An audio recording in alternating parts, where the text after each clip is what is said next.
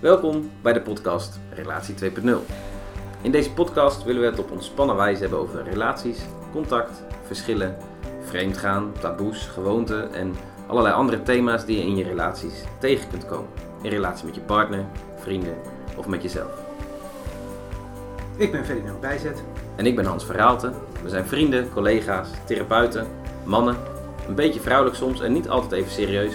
En toch vaak ook weer wel. Nou ja, goed. Luister maar, dan leer je ons vast beter kennen. Goeiedag. Hoi. Leuk dat je luistert. Dit is even naar de luisteraar, niet naar jou. Dank maar je. leuk dat je luistert, Ja. als je luistert. En dat doe je, want anders zet je hem niet aan. Ehm, we zijn weer bij een nieuwe aflevering van deze podcast. Ik heb geen idee in welk jaargetijde jij deze hoort, ehm, beluistert. Maar waar ik wel benieuwd naar ben, eh, Ferdinand... Want we gaan elkaar gewoon af en toe nu een, eh, een vraag stellen... zodat mensen ons wat beter leren kennen. Ehm, ik had eigenlijk een andere vraag, maar nu ik het heb over in welk jaargetijde... ben ik eigenlijk wel benieuwd... eh, welk jaargetijde is jouw favoriete jaargetijde? Hmm.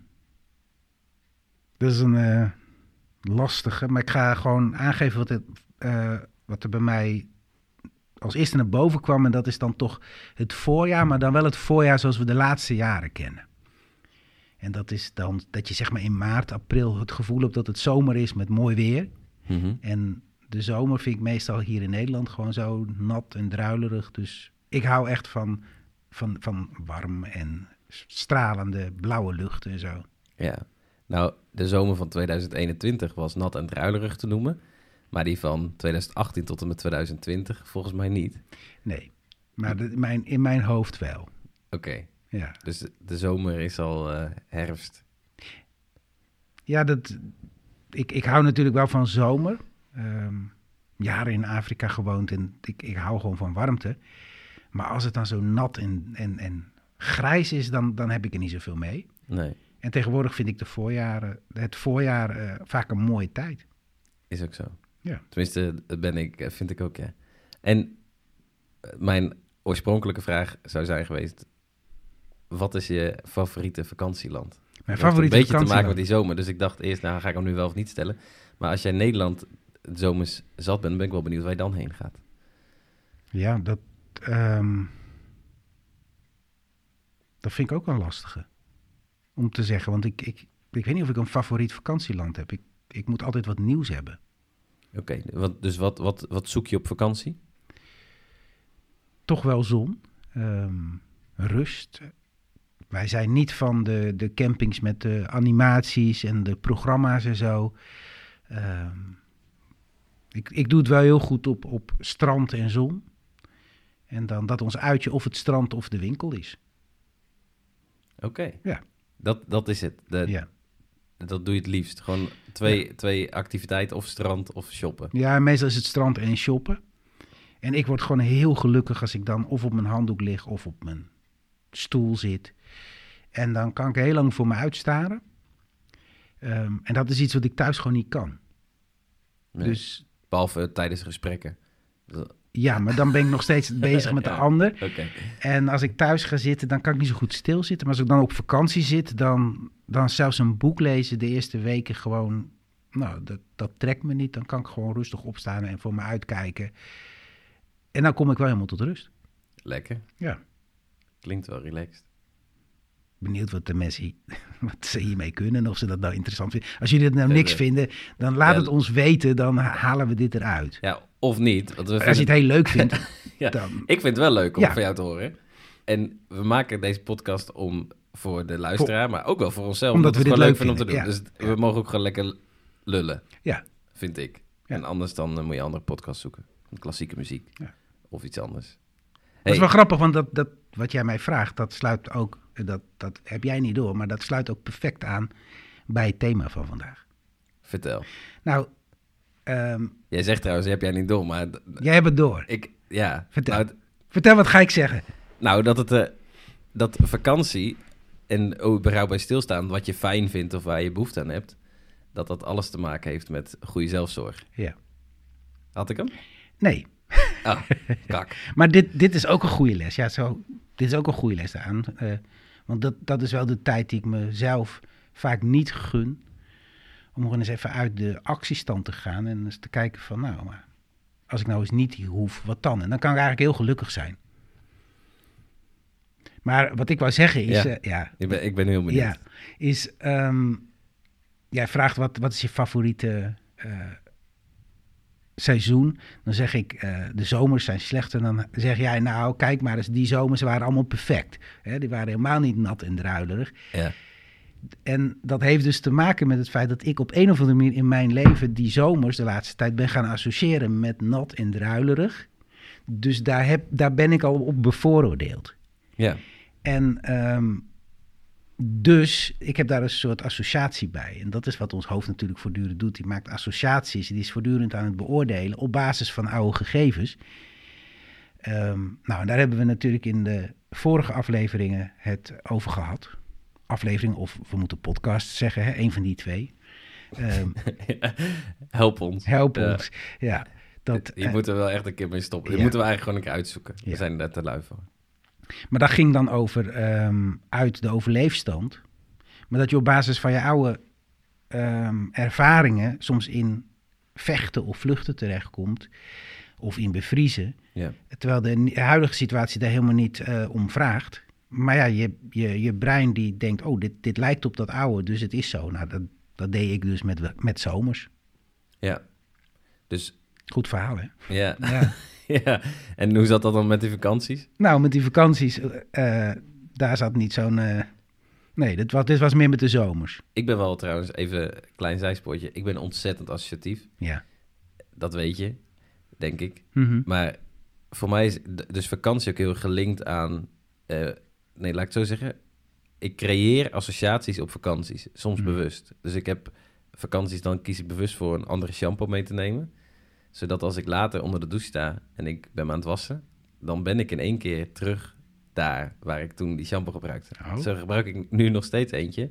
Dat als ik die gebruik, dan zit ik in een plaatsje iets ten noorden van Rome. Hm. En dat komt door de geur van de shampoo. Super associatief. Maar ik heb het ook bijvoorbeeld als ik, als het, als ik eh, niet zo lekker in mijn vel zit... of het is een beetje een druilerige dag... dan zet ik fado op. Dat kennen weinig mensen, denk ik. Fado is een, een muziekstijl. Eh, zoek het maar eens op, F-A-D-O. En die brengt mij terug naar een stedentrip... die ik met eh, Peter, een vriend van mij, heb gedaan naar Lissabon. Het is eh, Portugese Mhm. volksmuziek. Nou, het is...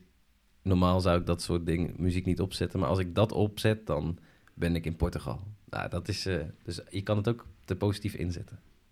Even, Mooi. Even zijspoortje. Je brengt me op ideeën. Ja? Ja, dan ga ik bijzondere shampoos meenemen.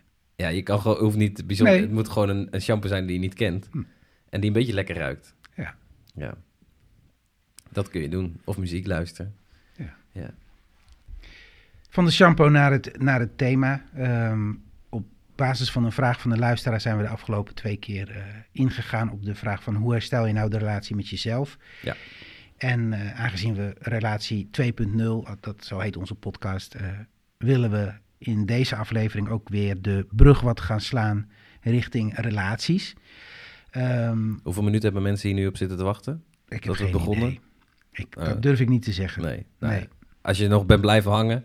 Dan, Dan gaan we dat daar nu Ja. over hebben. Maar je kunt ook doorscrollen. Hè? Ja. Ehm, maar eigenlijk dat, dat eh, stuk van een relatie met jezelf eh, creëren, dat heeft natuurlijk ook alles te maken met hoe je daarna in een relatie staat. En waar wij het tegenwoordig wel vaak over hebben met elkaar, is dat we, als we dan met stellen werken, dat we steeds meer zeggen van hé, hey, die mensen die hebben eigenlijk ook eerst gewoon iets met zichzelf te doen. Hè? Mhm. En ehm, dat op een of andere manier vaak stellen zich eh, ja, elkaar triggeren om juist in die overleefstand te gaan. En met dat, dat de een in de overleefstand gaat en bijvoorbeeld gaat vechten, dat die ander dan geneigd is om ook in de overleefstand te gaan en gaat vluchten. Ja. En daar moest ik eh, bij denken aan eh, John Gottman, dat is een eh, Amerikaans onderzoeker en therapeut. En die heeft heel veel onderzoek gedaan naar, eh, nou ja, wat zijn nou factoren die ervoor zorgen dat een relatie slaagt en wat zijn factoren de- die ervoor zorgen dat een relatie dus niet slaagt. En die heeft een soort onderscheid gemaakt tussen masters en disasters. En dat heeft alles te maken met volgens mij ook die overleefstand waar je dan uit zou moeten komen. Nou, en het leek mij wel leuk om de brug van een relatie 2.0 met jezelf naar een relatie te maken. Oké. Dus dan is even de vraag, wat is handig? Ehm, Nou, als jij nou eens eens uitlegt, want jij hebt het over die master en over de Ja. disaster. Eh, kun je ook een master in disaster zijn? ja. Oké. Ja. Maar eh, vertel eens, wat, wat, zijn de, wat is de master en wat is de disaster? Nou, wat, wat Gottman gedaan heeft, hij, heeft heel veel stellen heeft hij, eh, in zijn, hij noemt dat volgens mij zijn Love Lab, uitgenodigd. En dan heeft hij ze gewoon geobserveerd en dan liet hij ze gewoon ja, met, met allerlei elektrodes ging hij meten wat gebeurt er in het lichaam, bloeddruk, hartslag enzovoort. En dan moesten ze ook gewoon over dingen praten. En toen ontdekte hij dat zeg maar, de manier waarop mensen met elkaar communiceren, dat dat op zich niet zo heel veel verschil maakte. Dus, dus, dus je kunt niet zeggen van eh, de masters die hebben een. eh, die, die hebben. De manier van communiceren lijkt op hetzelfde, alleen de lading die het oproept, die is gewoon totaal anders dan de lading die het oproept bij de mensen die, die echt problemen ervaren. En toen heeft hij een lijstje gemaakt en toen dacht ik, oh ja, dat, dat lijstje dat gaat over de masters. Ehm, en hij zegt, de masters die, eh, als die met elkaar praten, dan zijn ze begripvol en die hebben oog voor gevoel. Ehm, en als ze met elkaar praten, dan komen ze niet in de verdediging. En proberen dan ook oog voor het perspectief van de ander te hebben.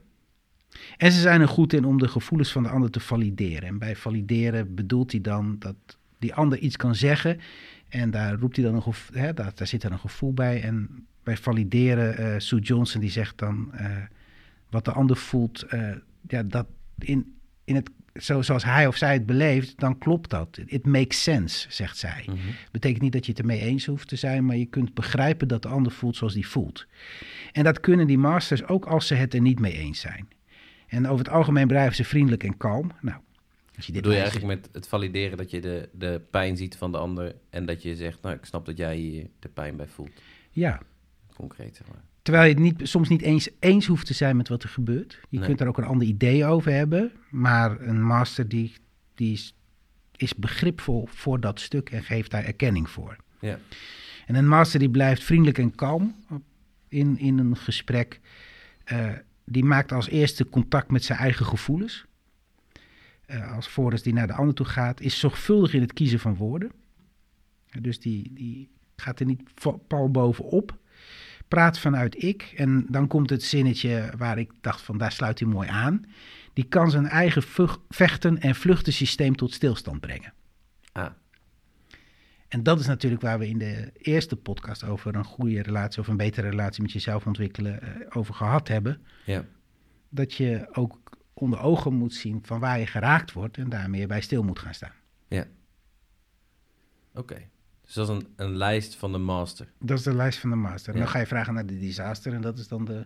Nou, ik wou eerst nog Ja. even zeggen dat ik Love Lab... Ja, dat is mooi hè? Jij vindt het mooi? Nee. Nee, ik, ik, vind het een bijzondere naam voor een... eh er roept bij mij ook ene associaties op. Mhm. Ja, Love Lab. Het klinkt wel mooi. Ja, Vind ik. als je, nou is hem vertaald naar Nederlands, een liefdeslaboratorium. Nee. Nee, maar dan de- dekt het de lading iets beter dan Love Lab zou ook een of andere vage tent kunnen zijn in Amsterdam. Vind ik. Ja, Maar misschien zegt dat ook iets over mijn eh, associatie. denk het. Disaster. Ja. Nou ja, de disasters die doen dus eigenlijk al die dingen niet. Ehm, die eh, hebben moeite met het gevoel van de ander daarin zien. Schieten vaak in de verdediging. eh, hebben weinig oog voor het perspectief van de ander. Dus is het een eh, hij, zij. Hè, van, tegenover elkaar sta je. Vinden het moeilijk om de gevoelens van de ander te valideren. Ehm, en dan kom je vaak op het verschil uit, nou, waar we het over gehad hebben. Maar dat verschil wordt strijdpunt. Dus die kunnen dat verschil dan ook niet accepteren. Die Ja. worden dus niet, blijven dus niet vriendelijk en kalm. Maar dat, dan, dan zie je vaak, en dat zien wij dus ook heel vaak in de gesprekken hier, dan eh, Mhm. gaat de spanning omhoog. Ja. Je hebt het trouwens even tussendoor. Je hebt het over, over verschillen waar we het over gehad hebben in een andere aflevering. eh, ergens aan het begin. Klopt. Ja. Ehm, en die slaan dus ook het contact met hun eigen gevoel over. Hè, en, en dat is misschien, dat, dat klinkt gek, want die reageren vaak van, vanuit boosheid of, of gekwetstheid. Eh, maar dat is vaak de eerste emotie die ze dan voelen. Maar heel vaak zit daar gewoon iets anders onder. Dat ze bang zijn of onzeker of, of zich machteloos voelen. En ze zoeken niet eerst uit van wat is er nou met me aan de hand, maar ze reageren al. Ehm, ze zijn dus niet heel erg zorgvuldig in het kiezen van woorden. Eh, en praten veel in, in, in jij, jij zou dit. En, en het probleem ligt bij een disaster eigenlijk altijd bij de ander. In plaats van dat ze zien, nou, wij doen samen iets. En verantwoordelijkheid nemen voor hun eigen gevoel en hun eigen aandeel. En bij hun overheerst dat vechten-vluchten systeem. Ja, dus die zijn, een disaster zit eigenlijk met name in de overleving. Ja. Ja. Nou, en dat is- ik zat zo naar dat rijtje te kijken. En toen dacht ik, ehm, eigenlijk is die laatste zin, dat je je eigen vechten-vluchten systeem tot stilstand kan brengen, is volgens mij eh, fundamenteel om die andere elementen ook te kunnen. Mhm. Ik ben benieuwd of, of, jij dat herkent en of je het ermee eens bent, maar dat was mijn gedachte daarover. Ja, nou als ik je dat zo hoor zeggen, eh, wat in ieder geval bij me oproept is dat ik denk, ik weet niet of ik, ik dan kom ik hem weer over een naam, Ehm, maar als er staat disaster, oftewel ramp, Ja. ehm, dan vind ik hem bijna, bijna pijnlijk om, om zo iemand zo te noemen die in zijn overlevingsmodus zit. Mhm. Omdat ik denk dat is niet iets, een positie die ik kiest of zo. Eh, dus een disaster vind, klinkt wat ver, veroordelend, Ja. wat mij betreft. Waar het eh, lekker is als je uiteindelijk kan zeggen: Ik ben een master. Maar ik denk dat we allemaal ook wel eens de disaster zijn. Ehm, maar goed, er zit een, er zit een behoorlijk. eh, er zit een waardeoordeel, vind je niet? Ja, Maar Ja. goed, het is maar een naam. Zo nee, het ja, maar- dus, maar ik kan me voorstellen dat als je dat zo hoort, dat je denkt, ja, maar dit is niet lekker om een disaster genoemd te worden. Nee, helemaal Nee. niet. Omdat, omdat ik denk dat als je in die overleefmodus zit, dat je daar ook niet per se voor kiest. Of Nee. dat je dat dat. eh, nou, heel vaak ga je er ineens bewust heen. Ehm, en overleven doe je ook omdat het dus anders het leven te zwaar is of te pittig of Mhm. dat je het niet trekt.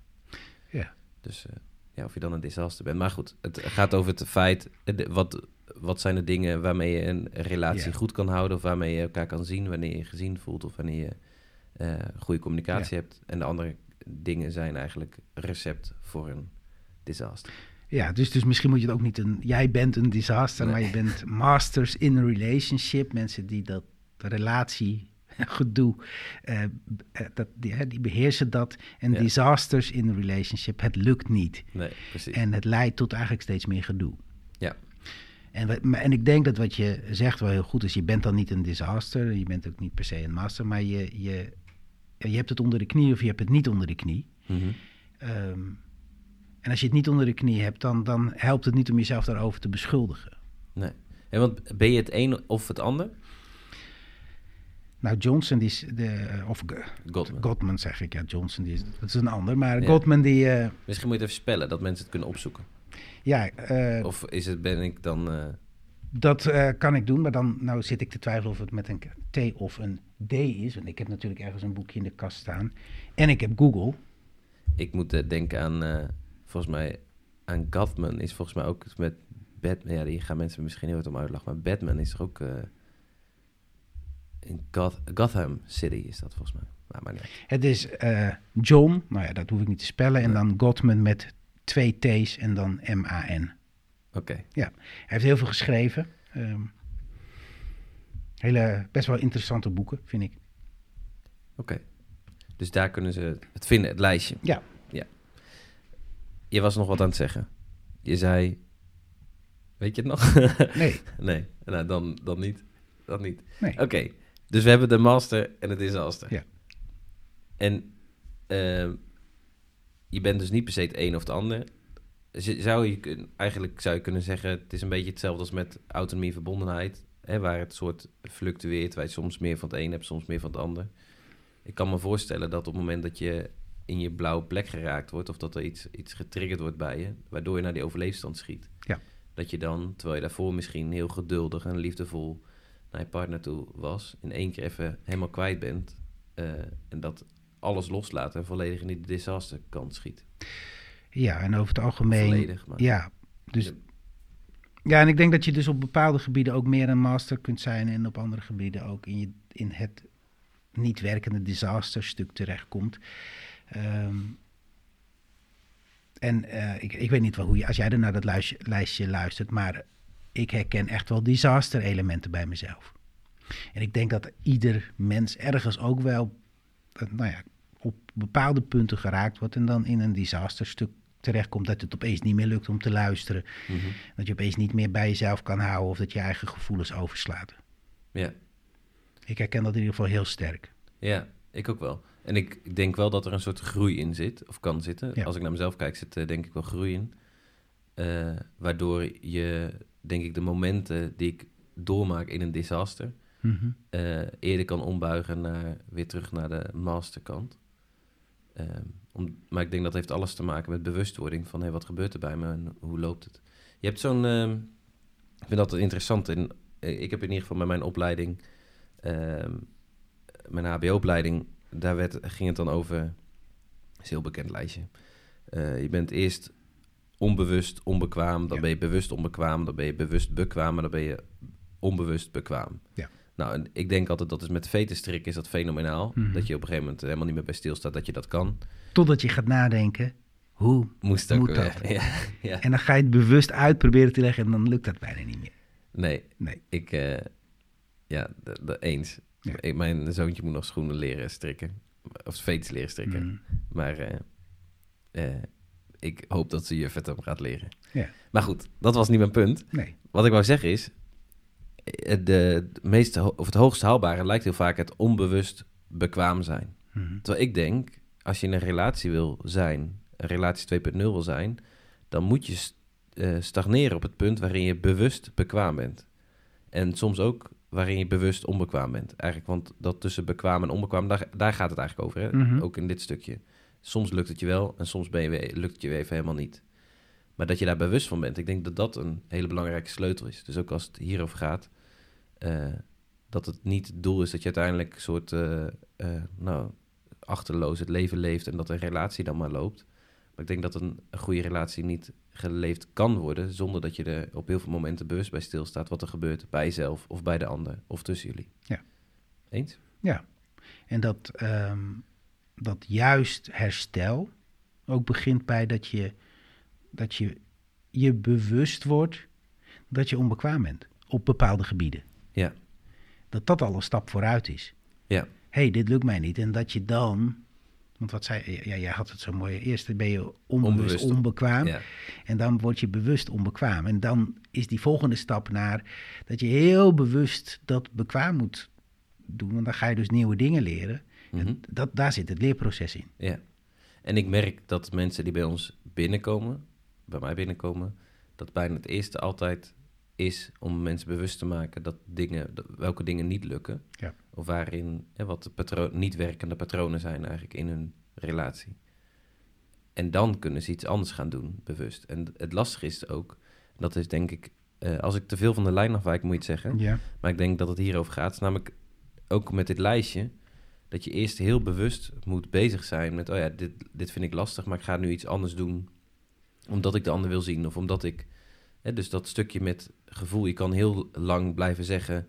ja, eh, zij stelt zich altijd aan. Mhm. eh, eh, dan maakt ze zich druk om niks. Slaat dan nergens op. Waarom doe je nou zo moeilijk?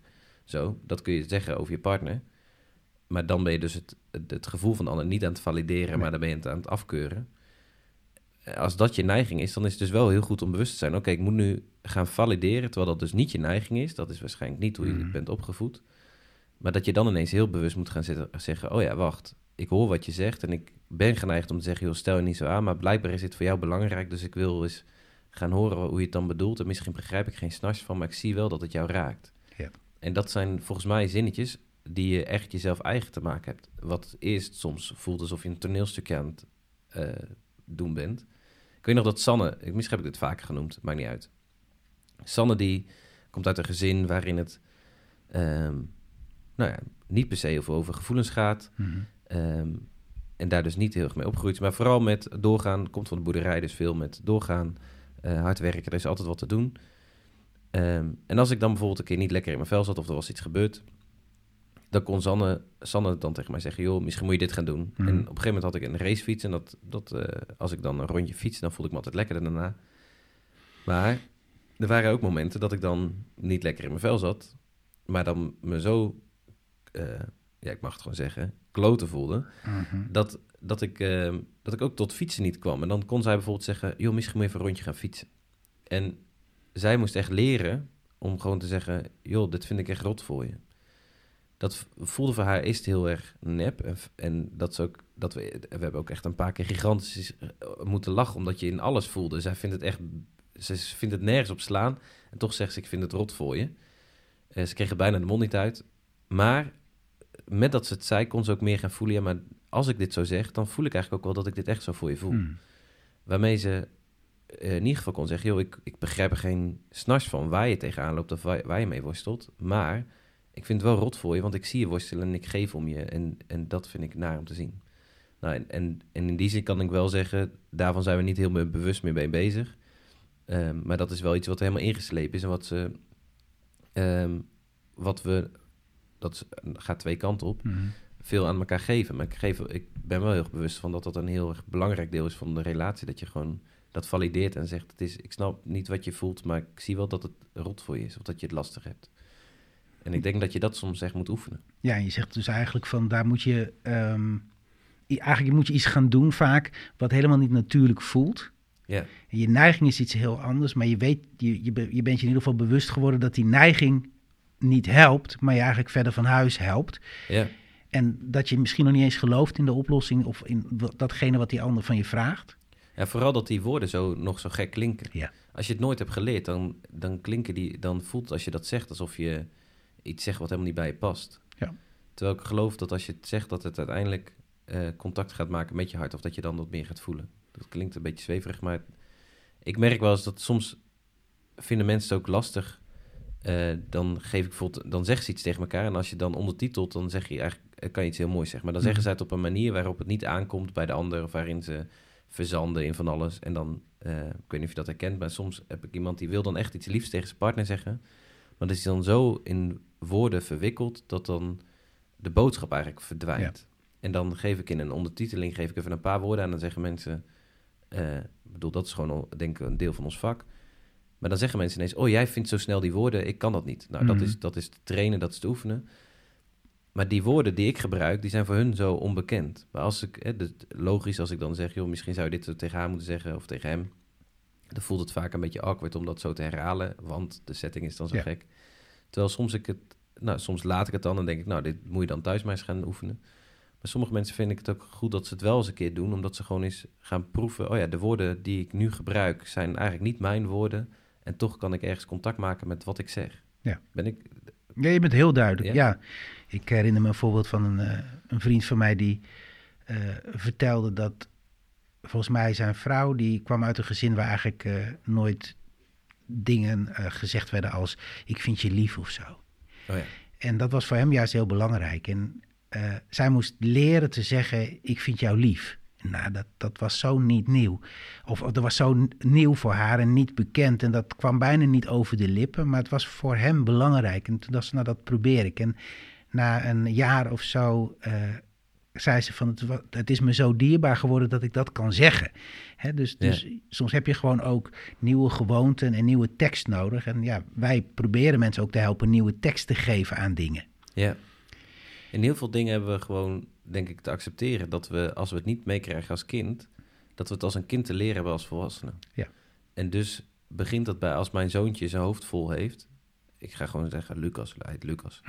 Als Lucas zijn hoofd vol heeft, dan leren wij hem nu om te zeggen: joh, we zien dat je, het lijkt alsof je hoofd vol zit. Klopt dat? En Ja. pas kon hij tegen mij zeggen: oh, mijn hoofd zit vol. Dat was vlak voor het slapen gaan, dat merkte ik ook, want hij kon, ik was met hem aan het eh, knuffelen, kroelen noemen we dat altijd thuis.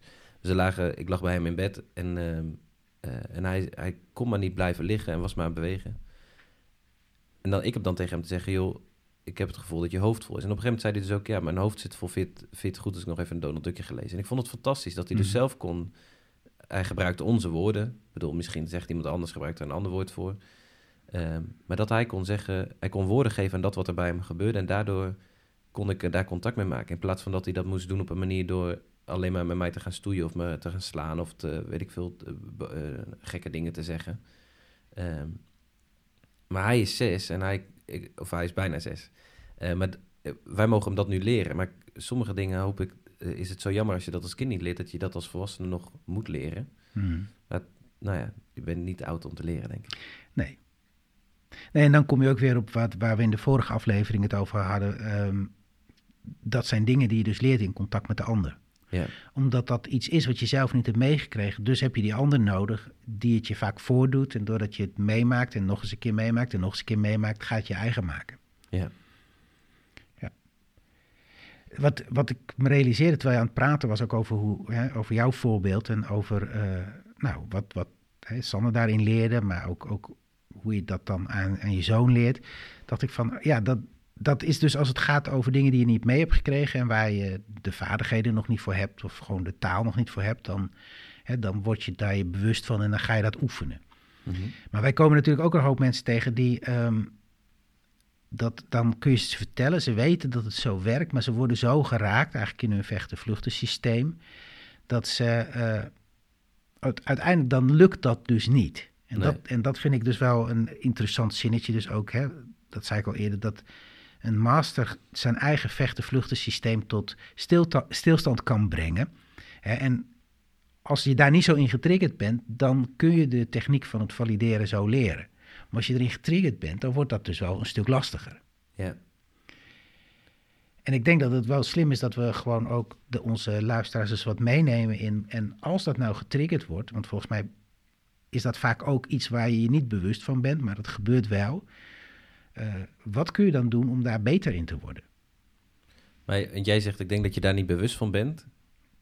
Maar ik denk dat dat dus ook weer stap 1 is. Dat is stap één. Ja, om heel erg bewust te zijn, wat is mijn... eh, wanneer word ik geraakt en wat is dan mijn vlucht- of vechtmodus? Ehm, je hebt dan nog een derde en dat is de freeze. Maar De dat, is, eh, dat, hebben we het, eh, dat noemen we in het reptiele brein. Dus dat is of heel jong of heel, ja, heel jong geleerd of pijn, ge- eh, Mhm. pijn geraakt wordt. We hebben het hier volgens mij wel een beetje over gehad in de aflevering 9, als ik het goed uit mijn hoofd zeg. In de eerste van deze Ja. serie van drie. Ja, waarin ik volgens mij ook iets deel over mezelf, over dat je, als je het herkent, dat je dan... Maar ik denk dat daar zit de bewustwording van eh, dat die super essentieel is. Ja. Ja, wat ik- En wat ik bij Johnson dus tegen, of eh, Johnson die zegt dat ook, maar ook bij Gottman tegenkom. Bijna weer de schildpad en de chimpansee, hè, waar ik ze ook door elkaar hou. Ja, Maar wat ik bij Gottman tegenkwam, is dat hij zegt van... eh, een van de belangrijkste dingen is dat eh, die je moet... re- dat- het- waar je je bewust van moet worden... is dat je in je vechten, vluchten of bevriezen terechtkomt. Hè? Dus dat je door gaat hebben. Maar ook dat je door hebt wat je triggert. Waarvoor kom ik? Welke trigger leidt mij toe mhm. dat ik in dat systeem terechtkom. En hij heeft daar vier van eh, beschreven die heel veel voorkomen. En, en ik zat daarnaar te kijken en dacht, ja, dat, dat herken ik wel. En, en eentje is onrecht. Dus, dus als je onrecht meemaakt, dat je dan of eh, je terugtrekt of gaat vechten. De andere is eh, het gebrek aan respect. Dat zie ik ook heel veel. Hè? Mensen zich niet gerespecteerd voelen. Er is ook zo'n mooi boek van... eh, waarin liefde en respect, hè, dat, dat heel veel mannen juist het gevoel hebben: ik heb respect nodig. Als dat er niet is, dan gaan ze vechten voor respect. Miskenning, dus dat je niet gezien voelt. En onmacht. En die laatste, die herken ik zelf heel erg. Dat eh, me onmachtig voelen, dat, dat triggert echt eh, vechten, vluchten. Oké. Dus kun je ze nog één keer herhalen? Onrecht, Onrecht. disrespect of niet respectvol, dat er niet Mhm. respectvol op je gereageerd wordt. Miskenning en onmacht. Oké. En Goldman zegt daarvan, dat zijn eigenlijk de vier triggers die heel veel voorkomen. Oké, die veel voorkomen en die ervoor zorgen En dat die het, ervoor eh, zorgen dat mensen dus of in vechten, vluchten of bevriezen terechtkomen. Ja. En jij onmacht, zeg jij, dan is het voor jou aan. Ja. Ja. En dat, Wil je daar nog iets over zeggen? Of eh, nou, ehm, heb je daar een voorbeeld van? kijk, onmacht heeft alles te maken met dus niet meer in staat zijn om iets te kunnen doen. Ehm, en eh, in dat, ja, dat, dat is een heel naar gevoel. Dus Ja. dat je er naar kijkt. Ik, ik weet vroeger naar de kinderen toe, dan, eh, dan wilde ik graag dat ze luisterden en dan deden ze dat niet. En eh, het eerste wat er dan gebeurde was dat ik, dat ik, tenminste het leek alsof het eerste wat gebeurde was dat ik boos werd op ze.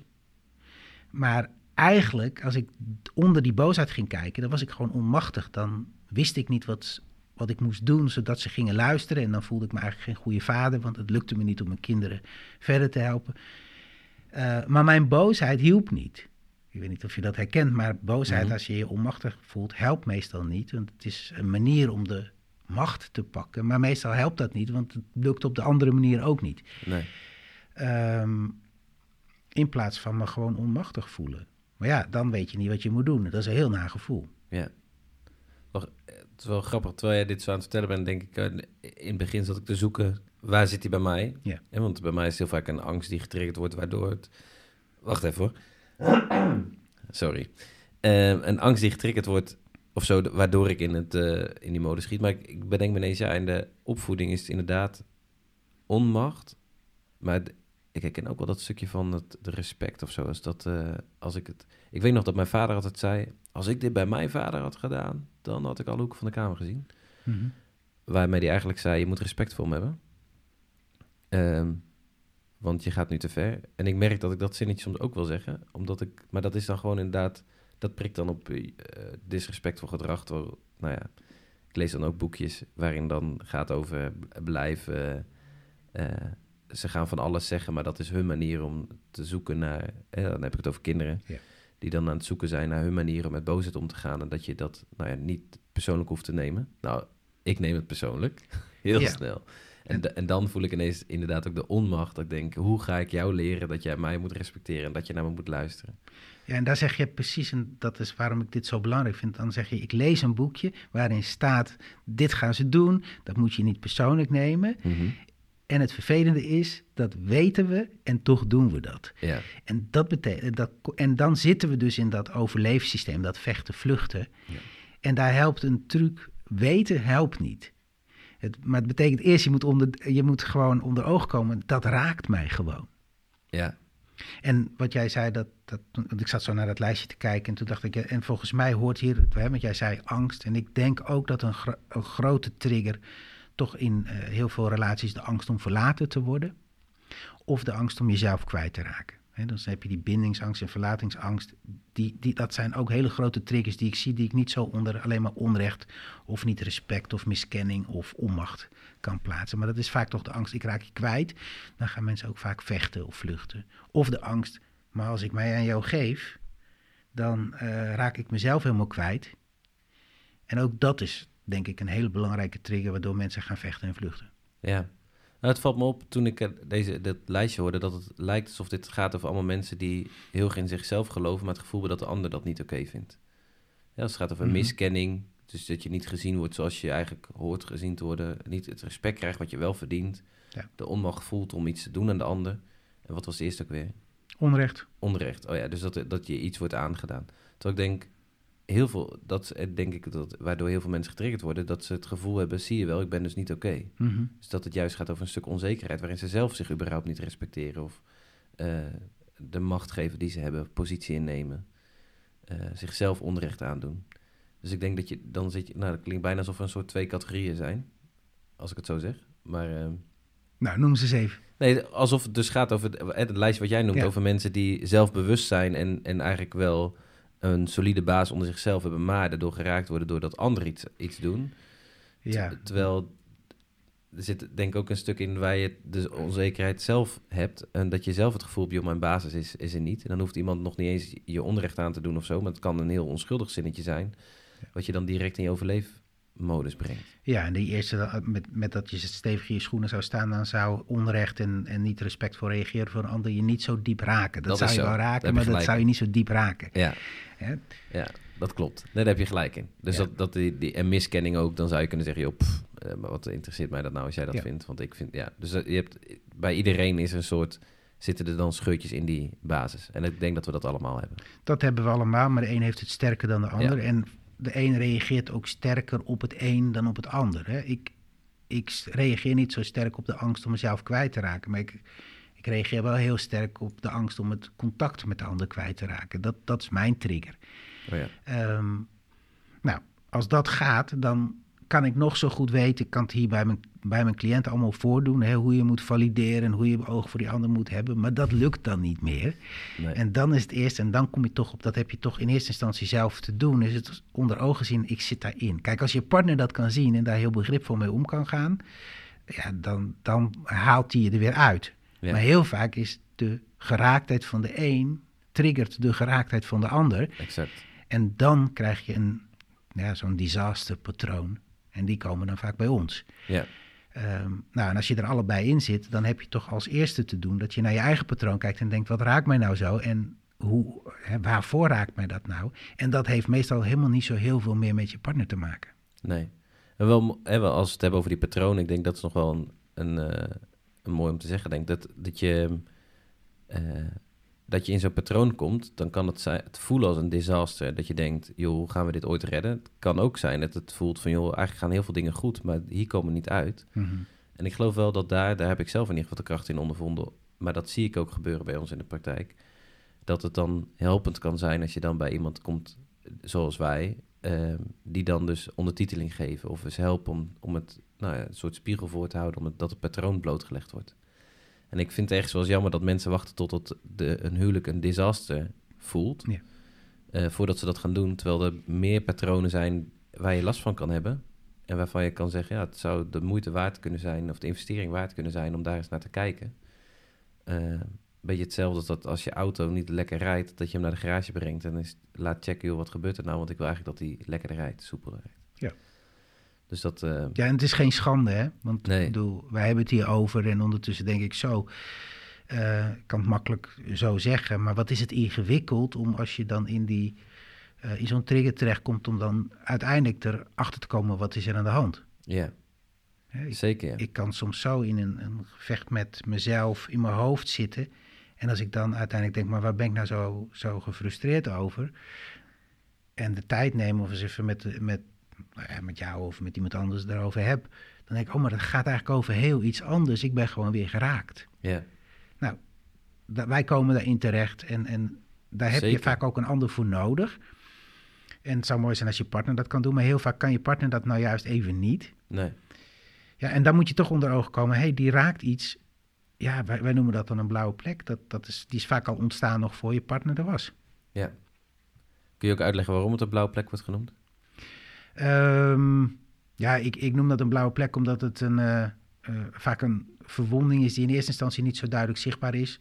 Ehm, eh, ja, ik kan alleen vertellen waarom ik het een blauwe plek noem. En dat was omdat ik, maar dat heb ik denk ik ook al eens een keer verteld. Ik was aan het schaatsen, toen je nog kon schaatsen, ooit in die winters dat het nog koud was.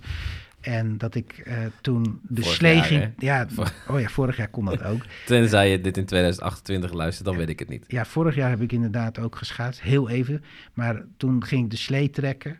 En toen kwam ik met mijn schaats in een scheur terecht. En ik val zo op mijn heup. En eh, het was nogal pijnlijk. En de volgende dag eh, komt mijn dochter naar me toe. En die tikt me zo tegen mijn benen. En die zegt, hé hey, pap. Nou, en ik schreeuwde toch uit. En zij slaat onbewust, dat weet ze niet. Ze doet gewoon iets ja, onschuldigs op een plek in mij waar het zeer doet. Maar zij weet niet dat het daar zeer doet. Nou, dat, dat is vaak met blauwe plekken zo. Ehm, of je zou kunnen zeggen ook met verwondingen. Wij partners hebben vaak de neiging om op pijnpunten te komen die er al zaten. En die hebben geen idee dat ze iets aanraken. Die denken, wat gebeurt er nou? Eh, maar, maar het doet ons wel zeer. Ja. Nou, sterker nog, ik denk, een, eh, afgelopen zaterdag was ik met een vriend eh, in Utrecht. En toen namen we afscheid. En hij heeft die dag verteld dat hij tijdens het skiën een paar ribben had gekneusd. Maar we nemen afscheid en ik geef hem even een knuffel. En ik hoor hem zeggen, oh! En toen dacht ik, oh ja, dat had ik kunnen weten. Dus eh, zelfs als Ja. je het weet, kun je elkaar, eh, om even, dat gaat niet over het letterlijke, maar ook over een stukje, zelfs soms weet je wat de blauwe plek van je partner is. Of weet je de blauwe, de pijnplek. En dan alsnog kan het zijn dat je in alle onschuld of alle liefde misschien wel iets doet waardoor de ander die pijn voelt. Ja. Ja. Ja, En, en, dan kan de pijn bijna net zo voelen als dat je toen het net ontstond. Zeg maar. ja, en kun je soms ook heel nadam reageren op de ander. Ja, hij? Ik hoor dat hij best wel eh, oké reageerde. Oh, heeft me niet geslagen. nee, Nee, niet boos geworden. nee. Nee. Maar hoe, hoe pijnlijker het is, hoe meer je soms... En dan kun je soms ook denken, ja, maar ik doe toch niks verkeerd. En van daaruit ontstaat zo'n patroon. Ja, en het zou zelfs nog kunnen zijn, hè, want ik bedoel, dit is een, eh, een vriend van mij. Ehm, maar ik kan me voorstellen dat als zoiets tussen San en mij gebeurt, dat ik nog bozer zou worden op haar of zij bozer zou worden op mij, omdat je denkt, hallo, jij, juist jij, degene die ik zo lief heb, de allerbelangrijkste. Als jij me al niet eens ziet, wie ziet me dan? Hè? Dat zou dan kunnen, Mhm. zo, zo voelt het dan soms. Ja. ja. Dus dan kan de reactie ook juist heftiger zijn. Yo, Ja. jij, jij moest toch juist weten dat dit pijnlijk is voor mij? Nou ja. Dus misschien is het nog goed om, om zeg maar wat richting een afronding eh, nog te, aan te geven van wat kun je nou doen op het moment dat je nu je bewust aan het worden bent van hé, hey, ik kom dus dan in vechten terecht. Dan ben ik dus bezig met die ander, maar eigenlijk moet ik mijn eigen vechten of vluchtensysteem tot rust te brengen. Wat mensen dan kunnen doen als ze dat gaan merken, hoe breng je dat nou tot, tot rust? En dan kijk ik jou aan van zeg het eens Hans, jij bent daar goed in. Hoe breng je dat tot rust? Vertel. leg de bal terug. Ik leg de bal terug. Ja.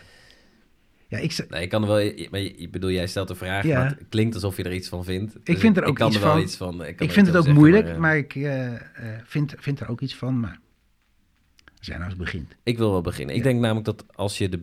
Dan heb je het dus over de situatie dat je er bewust van bent dat je erin zit. Dat je, dat je, ja. hè, dus dat is stap 1. Bewustzijn, wanneer word ik getriggerd wat gebeurt er bij me. Ja. En ik denk dat het, dat het twee kanten op gaat. Aan de ene kant uh, dat je aan jezelf erkent, ah, nu heb ik pijn, nu word ik geraakt.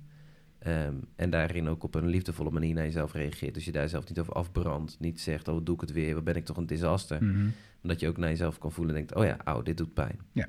En ik, ik denk dat stap twee is om het te kalmeren, is om het te delen en het te zeggen tegen de ander. En te zeggen, joh, um, uh, auw, dit, dit doet pijn, het raakt me hier. Dat, is niet, ja, dat doe je niet bewust, maar dit is wel wat er bij mij gebeurt. Hm.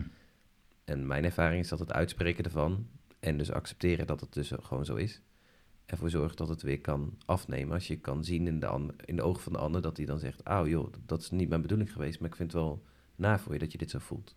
Ja. Nou, maar heel vaak gaat dat, gaat dat dus al mis, want dan zit je dus al in het patroon. Dat kan, ja. ja. En dan is het dus eigenlijk uh, misschien als eerste wel onderkennen dat je weer in dat patroon terecht bent gekomen. Ja. Dat dat pijnlijk en, en vervelend is, maar ook weer niet een, een disaster. En dat je jezelf dan de vraag stelt, maar waar ben ik in terecht gekomen? Mm -hmm. En wat gebeurde er nou eigenlijk? En wat raakte me nou precies? En het daar dan over gaan hebben. Ja. Terwijl de weg uit het patroon ook vaak het onthullen is. Ja. Dus het delen van je pijn. En wat mij wel opvalt is dat er dat uh, veel mensen het zo moeilijk vinden om, daar, om, om dan terug te komen op wat er gebeurd is. En, en uh, toch de neiging hebben om, om dat dan of te negeren of, of maar gewoon te laten. Dus dan is het gebeurd en dan komen ze er niet op terug. Terwijl volgens mij de heling juist zit in te denken, waar ben ik in terecht gekomen? De verantwoordelijkheid te nemen voor dat je er zelf in terecht bent gekomen. Mm -hmm. En daar iets over zeggen. Ja. Kijk, het interessante is wel, ik, als je dit zo zegt, dan moet ik aan denken van... Heel veel mensen zijn bezig om naar de top te gaan of om, de, om, dat, om het goed te hebben met elkaar. Mm -hmm. En zijn dus geneigd om de pijnlijke plekken of de dal, dalen, dalletjes, uh, een soort over te willen slaan om te denken, ja maar oké, okay, dit is gebeurd, maar ik moet weer door. Dus het, het er niet Ja. van bespreken. Het grappige is altijd, als ik met, met best wel veel cliënten die ik spreek, ze, gaan ze uiteindelijk, zeggen ze best wel vaak, ja, maar we hebben ook echt wel best wel een leuk leven hoor. We hebben ook best wel Mhm. een leuke relatie, we hebben ook best wel... En dat ik zeg, ja, dat snap ik. En maar hier hebben we het over de pijn, jullie hebben het hier over de dingen die niet lekker lopen. En het mooie vind ik, want ik krijg ook wel eens die vraag, hoe hou je het vol om altijd over de problemen te hebben. Terwijl het mooie is, als je elkaar dus juist daar ontmoet, in dat dalletje, dat, het, dat je dan een, een, maar misschien nog wel bijna een mooier moment hebt dan als je samen een top beleeft. En ik denk dat is volgens mij de, sowieso de uitdaging van onze hele maatschappij, is dat we naar de pijn toe gaan en voelen, uh, joh, dit is, dit is pijnlijk wat er gebeurt, maar hier kunnen we elkaar wel in steunen, hier kunnen we voor elkaar zijn. Mhm. En ik, nou ja, de, de, in de hele coronapandemie zag je heel erg de verdeeldheid tussen uh, mensen, waarin vooral werd ge, uh, vanuit rationeel werd ge, gediscussieerd en, en kampen tegenover elkaar stonden, in plaats van dat we gewoon met elkaar stilstonden en zeiden, joh, wat is het eigenlijk pijnlijk in welke periode we zitten of zo. Hè, dus de, de, en, en we moeten zo snel mogelijk hier uitkomen, moeten snel, nou dat is ook logisch als alles plat ligt ongeveer. Um, maar wat ik bedoel te zeggen is, ik denk juist dat als, je, als het je lukt om met elkaar in die, naar die pijn toe te gaan en daar te, even te zijn, dat het je die intimiteit oplevert die voor mij een relatie 2.0 maakt. Ja. ja, en ik denk dat dan wel nodig is, is dat je gaat aanvoelen van kan ik al iets over mezelf zeggen en kan ik dat wel op een manier doen uh, die voor de ander te horen is. Hè? Mm -hmm. uh, er is een uh, methode geweldloos verzet en die heeft een prachtige uitspraak. Je moet het ijzer smeden als het koud is. Ehm, Ja. En dat moet je bij eisen natuurlijk niet doen. Maar als je zelf nog heel erg in de boosheid of in de frustratie zit, dan kun je beter tot 10 of tot 100 tellen en jezelf eerst terugtrekken en te zorgen dat je zelf tot rust komt. Dat is die overleefmodus, kalmeren. Dat, hè, dus dat, of dat dan is tot de 100 tellen of, of even je terugtrekken of zeg je, kom over een half uur bij je terug, maar ik heb nu even rust nodig, een rondje lopen, muziek luisteren, wat dan ook. Flink doorademen. eh, Ja. In beweging komen vaak. Ja, hè, dus, eh, maar dat is eigenlijk wat, wat je zei als laatste bij die master. Van, hè, dus dat je zelf je overleefmodus eh, of overlevingsstand signaleert en tot rust kan brengen. Ja. En dan kun je contact gaan met de ander. En van daaruit kun je dan weer in Ja. contact en kun je oog hebben voor het gevoel van de ander. Kun je ook terugkomen op wat je zelf niet goed hebt gedaan Ja. daarin. Dit is overigens, hè, want de, we krijgen wel eens de opmerking van, joh, eh, gaat het nou alleen maar over relaties? Dit, maar de- ik denk dat dit universeel is naar elke relatie in je leven. Als het Ja. nou met je ouders is, met je kinderen, met je buren, vrienden, collega's, wat dan ook. Op de werkvloer, Ja. collega's. Ja. Ja. Ook Dus daar In gebeurt de dit. brede hè? zin van ja. het woord, ja. Ja, dus, dus Ja. dit gebeurt tussen ouders en kinderen, maar ook tussen collega's. ehm, in groepen gebeurt dit. Rusland, Oekraïne. Ja, dat is wel gek, want eh, dat, daar noem je een tijdsgebonden ding, want we hebben geen idee Nee, hoe dit dat- over een tijd is. Maar eh, nou, we opgenomen februari, of maart 2022. Ja. Geen idee waar dat heen gaat. Nee, maar ook daar zie je Ja. eigenlijk hè, van eh, in het vechten terechtkomen, in het verdedigen, eh, wel willen praten, maar eigenlijk weinig oog voor het perspectief van de ander kunnen hebben. Ja. Ehm, nou ja, voor je het weet gaat dat, escaleert dat steeds meer. En dan is het eigenlijk heel belangrijk om eerst terug te gaan naar jezelf.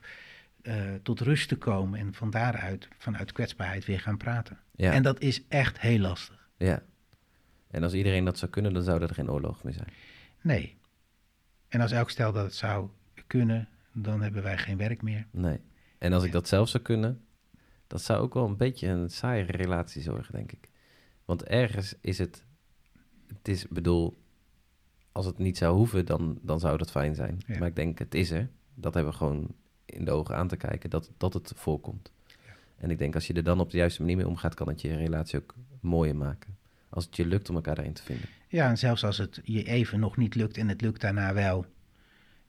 Ja, Dus want ook een, dat vond ik wel mooi, de, de, de uitspraak die ik ooit gehoord heb van, dat ook in een conflict ben je, ja, als je neus aan neus staat en je bent eh, boos op elkaar of je hebt een conflict, dan ben je alsnog heel dicht bij elkaar. En heb je contact. hè? Dan is er meer contact dan Ja. stilzwijgen en je terugtrekken. Ja, en mensen vechten vaak voor iets wat ze lief is. Dus eh, in, dat, in dat gevecht zit dan ook ergens ook de liefde. Alleen is het soms lastig te horen. Ja, om nog maar een, een one-liner erin te gooien in de zin van, eh, je kan iemand net zoveel haten als dat je van iemand houdt. En dat, eh, nou ja, dat maakt het niet altijd makkelijk. Nee, Maar dat zegt soms wel eens de manier, waar- de maat waarin iemand haat, zegt ook wel iets over hoeveel je van die ander, om die ander geeft. ik denk dat we hem voor nu gaan afronden. Ja, En ehm, we doen weer de uitnodiging aan jullie. Heb je een vraag, heb je een reactie, stuur hem aan ons. Eh, stuur hem aan ons in een persoonlijk bericht. Eh, Ja. vergeet het niet te liken. Nee. Eh, want, eh, nou ja, waar je hem ook kan liken, abonneer je, volg ons. Deel hem. Ja, dat zouden we echt tof vinden. Als je anderen zegt, hey, als je, tenminste als je enthousiast bent, eh anderen hier, eh, hiervan op de hoogte brengt. Eh, en wij blijven doen wat we doen, want we vinden het gewoon leuk. Dus er komt hierna nog weer één. En daarna nog weer één. En daarna nog weer één. Dus blijf luisteren. Blijf En, luisteren. Maar geef ook dus je input als je Yes. wil dat wij over een bepaald thema eens wat verder doorpraten. ja, of opmerkingen, kritiek, mag ook. Allemaal gewenst. Hey, eh, een fijne tijd, dag, avond, ochtend. Zoek het uit. Maar eh, tot de volgende ziens. keer.